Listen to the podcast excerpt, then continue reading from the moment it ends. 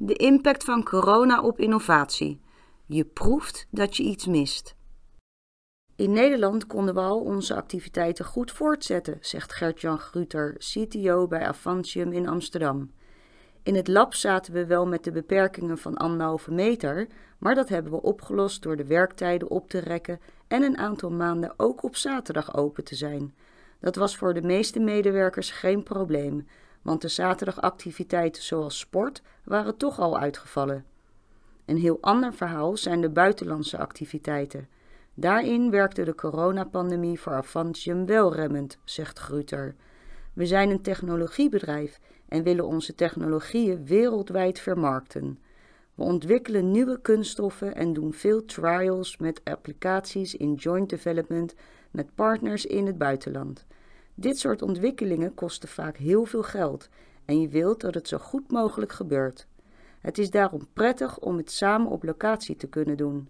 Maar reizen naar Azië en de Verenigde Staten en ook naar Zuid-Europa, waar we ook samenwerkingen hebben, was lastig of onmogelijk. Dat heeft bepaalde projecten stilgelegd.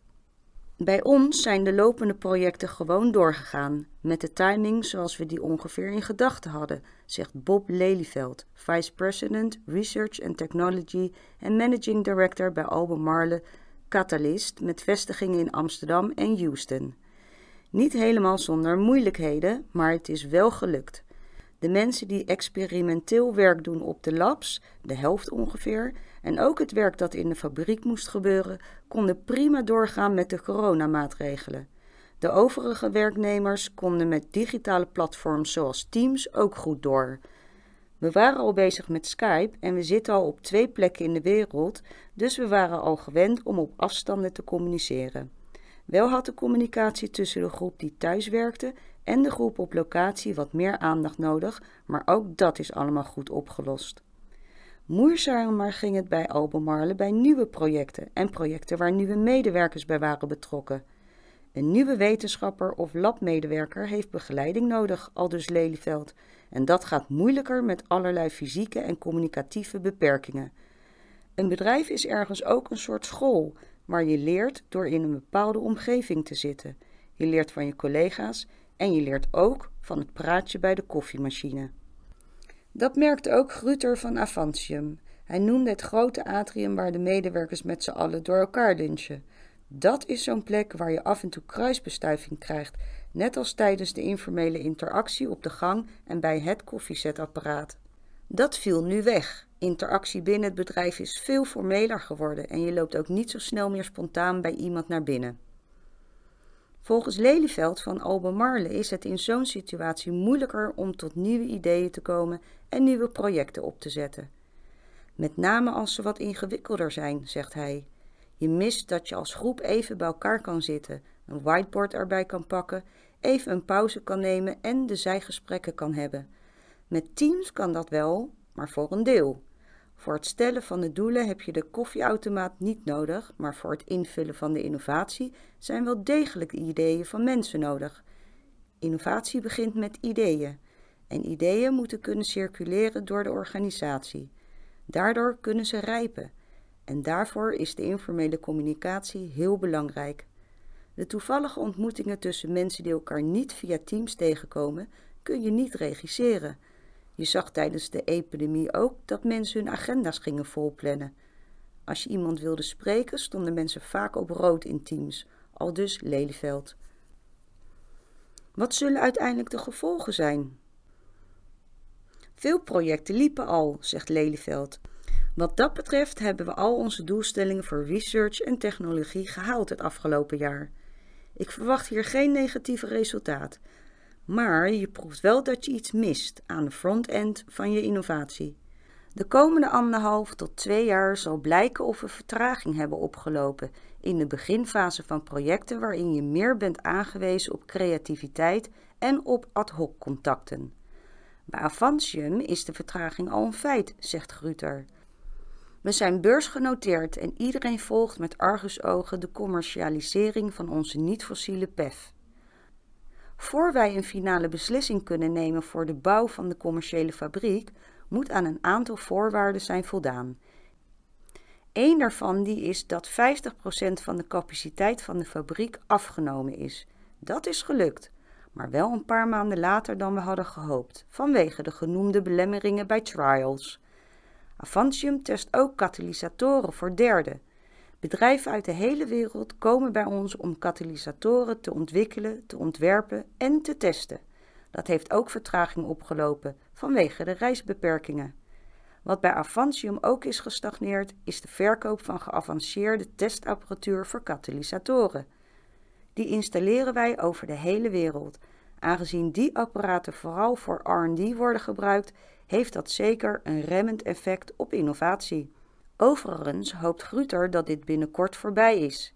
Ik denk dat we op 1 september weer back to normal zijn, als iedereen zijn tweede vaccinatie heeft gehad. Al weten we natuurlijk niet wat de Delta-variant gaat doen. Volgens Kees Biesheuvel, technologie- en innovatiemanager bij Dow Benelux, zijn sociale contacten cruciaal voor innovatie. In een prettige, veilige sociale omgeving denken mensen vrijer, ze zijn ruimdenkender en opener, zegt hij. En dat stimuleert het ontstaan van nieuwe concepten en ideeën, en daar vaart innovatie wel bij. Dat hoef je niet te organiseren, het gaat vanzelf. Tijdens de coronapandemie werd dit tegengewerkt door onder andere de verplichte anderhalve meter afstand. Maar daar hebben we nog wel een modus voor gevonden, al dus Biesheuvel. Moeilijker wordt het om in zo'n situatie te brainstormen. Via Teams en Zoom is dat niet optimaal. Ook de toevallige ontmoeting bij de koffieautomaat, de serendipity, mis je enorm. In hoeverre de innovatie bij Dow hierdoor is gestagneerd, is moeilijk te zeggen. Maar een concreet voorbeeld van de vertraging is volgens Biesheuvel wel de pilotplant voor steel to chemicals bij ArcelorMittal in Gent.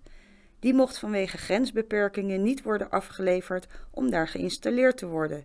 Het is uiteindelijk wel gelukt, maar bijna met een jaar vertraging. Een belangrijke les van corona kunnen we volgens Biesheuvel goed gebruiken bij de klimaatopgave. Hij legt uit. Vanwege de snelle opkomst werd corona beleefd als een crisis en gingen we als samenleving snel aan de bak om ons ertegen te wapenen. Standaardprocedures werden losgelaten, kosten waren op een gegeven moment geen probleem meer. We waren met z'n allen bereid om risico's te accepteren en in te calculeren dat dingen misschien niet gingen lukken. We gingen vaccins ontwikkelen en tot ons aller verbazing lukte het binnen zeer korte tijd. De les hieruit: de mens is tot veel in staat als de nood maar hoog genoeg is. Dan zijn we bereid om de koninkrijkjes en de formaliserende en vertragende procedures los te laten en snel te schakelen. Het klimaatprobleem is ook een crisis, stelt Biesheuvel, maar die wordt als veel minder urgent ervaren doordat de dreiging als veel trager wordt beleefd, ook door de beleidsmakers. Als we bijvoorbeeld een subsidieaanvraag doen voor een kleine innovatieondersteuning, duurt het meer dan een jaar voordat rond is. Die tijd hebben we helemaal niet. We moeten wat de klimaatcrisis betreft weg van die trage, stroperige processen, omdat we bang zijn dat we een foutje maken in de procedure. Als het bij de coronacrisis kon, moet het ook kunnen bij de klimaatcrisis, die een veel grotere dreiging is. Het wordt tijd dat we ook de klimaatcrisis als een megacrisis gaan beschouwen. Anders worden we gekookt als de bekende kikker in de pan, die de langzame opwarming niet merkt en daardoor niet uit de pan springt tot het te laat is. Avantium, Albemarle en Dow zien ook positieve effecten van de coronapandemie. Bij Albemarle is de productiviteit toegenomen, zo is uit enquêtes gebleken. De mensen die experimenteel werk doen, vonden het fijn dat ze op het lab niet voortdurend gestoord worden door mensen die binnenliepen en dat ze niet steeds vergaderingen in werden gesleept. De wetenschappers gaven aan het fijn te vinden dat er minder meetings waren en dat ze thuis beter konden focussen, zegt Lelyveld. Grutter ziet dat de nieuwe manier van communiceren ook voordelen biedt, mits gedoseerd toegepast. Ik heb vaak in het vliegtuig naar de States gezeten voor één meeting. Dat gaan we niet meer doen. Dat kan ook heel goed via platforms als Teams en Zoom, zo is gebleken. Ik denk dat we ook binnen Nederland meer hybride gaan vergaderen, waarbij een aantal mensen dat wat verder weg woont gewoon inbelt. Scheelt een hoop reistijd en het levert veel voordeel op voor het milieu.